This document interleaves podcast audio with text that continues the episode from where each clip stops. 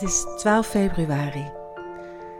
Deze aflevering is onderdeel van een reeks van 11 dagen waarin ik vertel over het leven en het sterven van mijn dochter, maar vooral de boodschap die zij mij meegaf.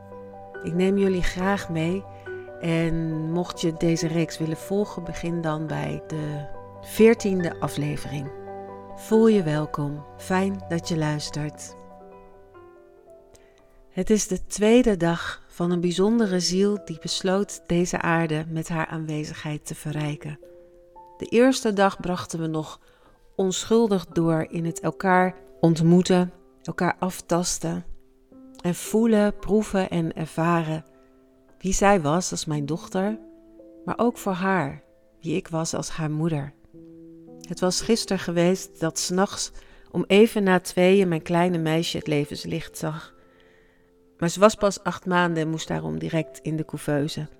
En achteraf is daar de enige foto van haar gemaakt waar ze niet aan snoeren en draden ligt. Ik herinner me dat ik naar haar keek en niet meteen moeder was. Ik leefde in een droom waarin zij mijn dochter was geworden, maar de moeder in mij was nog niet wakker. Wat ik wel ervoer was een heel diep gevoel van sereniteit. En het is precies dat gevoel dat me elk daaropvolgende jaar tijdens haar geboortedag zou begeleiden. En als ik dan de bloemen schik die ik voor haar gekocht heb, altijd een bosje madeliefjes, nou, daisies hè, of bloemetjes die daarop lijken, een kaarsje voor haar aansteek naast haar foto en me afstem op haar hart, dan overvalt me een diep gevoel van liefde en pure levensvreugde. Het is dan net alsof ze me even innig omhelst en alleen maar van dat bijzondere moment wil genieten. Alsof ze samen met mij dat ene woord proeft en de smaak ervan eindeloos laat vibreren in een liefdevolle cadans. Mama. Waar ik ook ben, vult de ruimte zich met een sereen licht wat me dan echt de hele dag omringt. Vervuld van elkaar.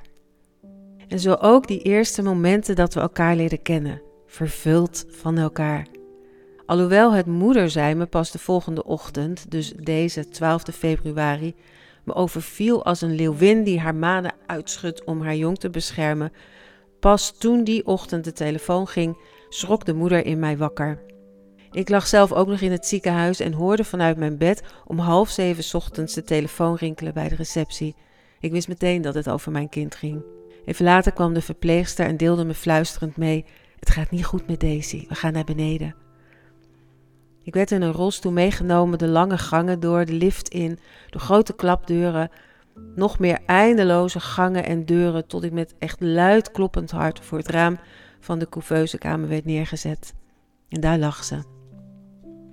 Haar nog wat langgerekte gezichtje van de zware bevalling en het lange verblijf in het geboortekanaal zag grauw en verkrampt. Ze had moeite met ademhalen en kreeg een kapje over haar mond en neus, veel te groot. En ik mocht niet bij haar omdat ze haar in quarantaine hielden. Maar wat er met haar aan de hand was, dat wisten ze niet.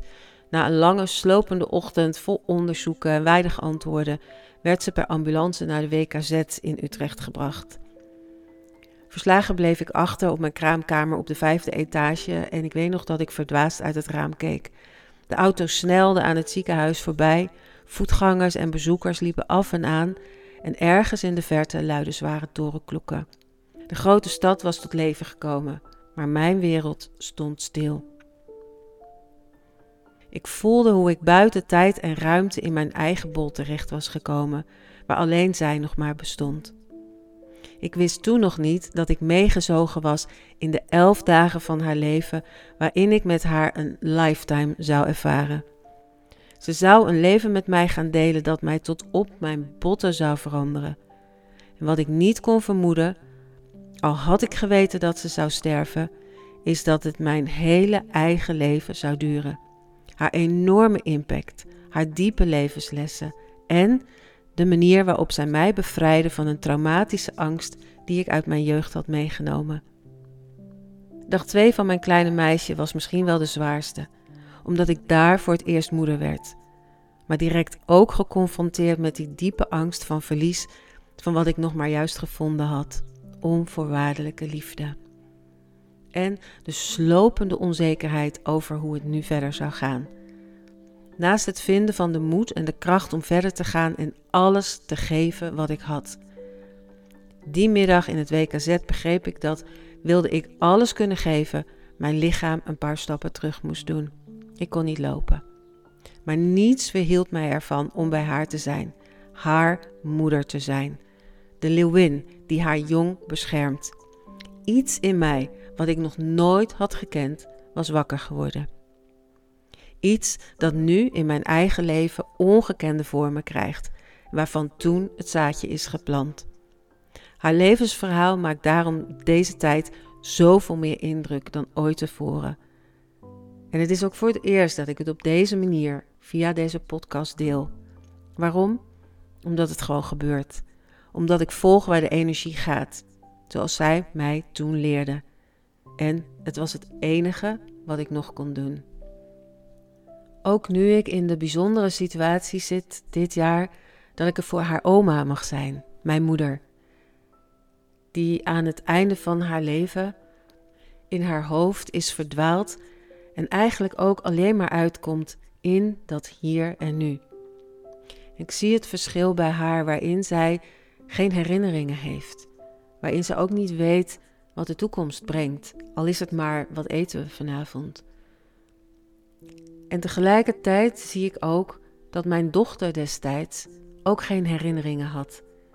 Niet aan wie zij als Daisy was. En ook niet hoe het verder zou gaan met haar als Daisy. Alleen in dat moment was zij aanwezig. En stap voor stap trok zij mij mee dat moment in. En nu ik hier met mijn moeder ben en besef dat we datzelfde moment inglijden, is het alsof de cirkel rond is. Alsof mijn dochter en mijn moeder hier samenkomen en waar ik tussen sta. Als moeder, als dochter. En dat is een positie die ik niet had kunnen volbrengen als ik niet deze reis met mijn dochter had gedaan, als ik niet had begrepen hoe het leven zich kan omvormen van een leven van angst naar een leven van vertrouwen.